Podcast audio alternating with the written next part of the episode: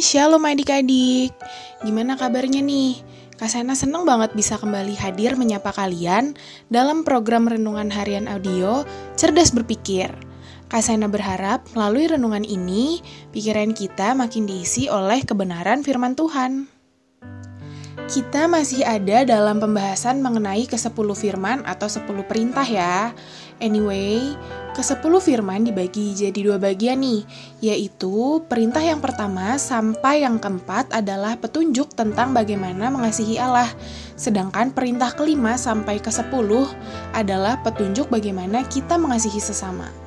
Kemarin kita sudah sampai di pembahasan mengenai perintah kedua, yang secara singkat bunyinya adalah Jangan membuat bagimu patung yang menyerupai apa pun, dan jangan sujud menyembah kepadanya.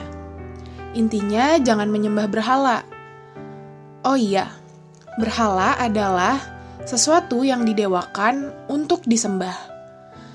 Kalau versi Kasena, berhala adalah sesuatu yang entah sadar atau enggak, kita anggap berharga lebih dari Tuhan.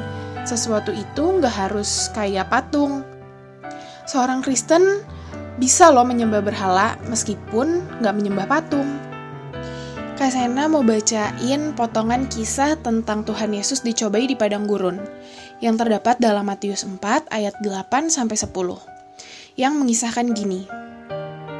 Dan iblis membawanya pula ke atas gunung yang sangat tinggi dan memperlihatkan kepadanya semua kerajaan dunia dengan kemegahannya. Dan berkata kepadanya, Semua itu akan kuberikan kepadamu jika engkau sujud menyembah aku. Maka berkatalah Yesus kepadanya, Enyahlah iblis, sebab ada tertulis, engkau harus menyembah Tuhan Allahmu, dan hanya kepada dia sajalah engkau berbakti. Kalau waktu itu Tuhan Yesus gagal dan tertarik sama kekayaan dunia, berarti dia menyembah iblis. Tapi ternyata Tuhan Yesus lulus dan bilang, Enyahlah iblis, sebab ada tertulis, engkau harus menyembah Tuhan Allahmu dan hanya kepada dia sajalah engkau berbakti. Adik-adik, Kayak yang tadi Kak Sena bilang, seorang Kristen bisa loh menyembah berhala meski nggak menyembah patung. Yaitu ketika dia menginginkan kekayaan dunia atau hal-hal materi dan menjadikannya sebagai kebahagiaan yang utama. Tuhan Yesus pernah bilang gini dalam Matius 6 ayat 24. Tak seorang pun dapat mengabdi kepada dua tuan, karena jika demikian ia akan membenci yang seorang dan mengasihi yang lain atau ia akan setia kepada yang seorang dan tidak mengindahkan yang lain.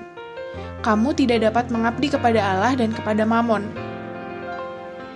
Mamon adalah gambaran mengenai harta dunia atau hal-hal materi. Emang sih ya, harta kayak uang itu sangat diperlukan. Kalau nggak ada uang, kebutuhan hidup jadi nggak bisa terpenuhi. Pendidikan juga kan dibayar pakai uang. Hmm, Makanya, kalian harus belajar dengan baik supaya di masa depan kalian bisa cari uang dengan maksimal. Nggak hidup boros, dan kalau bisa punya banyak uang supaya mengabdi kepada Tuhan lebih efektif.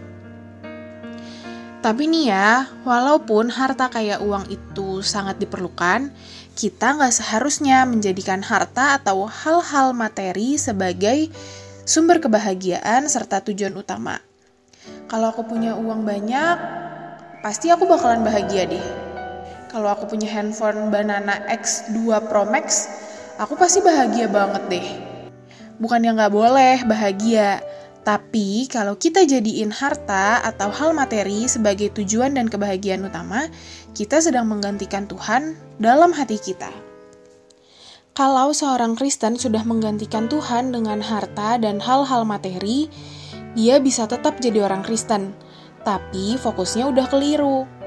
Yang harusnya fokusnya adalah menyenangkan Tuhan, malah menyenangkan diri sendiri. Yang harusnya kasih persembahan kepada Tuhan dengan tulus, malah kasih persembahan dengan mengharapkan mendapatkan berkat berlimpah-limpah. Soal berkat, biarin itu urusan Tuhan. Kita mah tulus aja. Iya kan? Yuk kita berdoa. Tuhan Yesus, terima kasih untuk renungan yang sudah kami dengar pada hari ini. Hari ini kami kembali diingatkan bahwa yang menjadi fokus dalam hidup kami haruslah Tuhan Yesus saja. Kami kembali diingatkan untuk tidak menyembah berhala dalam bentuk apa pun. Ampuni kami Tuhan kalau selama ini secara tidak kami sadari kami hanya fokus pada kesenangan duniawi dan hal-hal materi. Seringkali kami lupa bahwa hidup kami seharusnya hanyalah berfokus untuk menyenangkan hatimu. Ampuni kami Tuhan yang sering kali kami menduakan Engkau dengan hal-hal duniawi yang fana. Mulai hari ini kami mau memperbaiki diri kami. Kami mau fokus hanya kepada Engkau. Biarlah roh kudusmu yang bantu memampukan kami untuk memperbaiki hati dan hidup kami. Karena tanpamu kami tidak mampu Tuhan.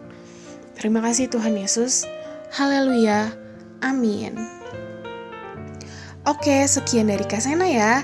Tetap sehat, tetap semangat, dan tetap jadi berkat. Jangan lupa bahagia. Tuhan Yesus berkati. Dadah!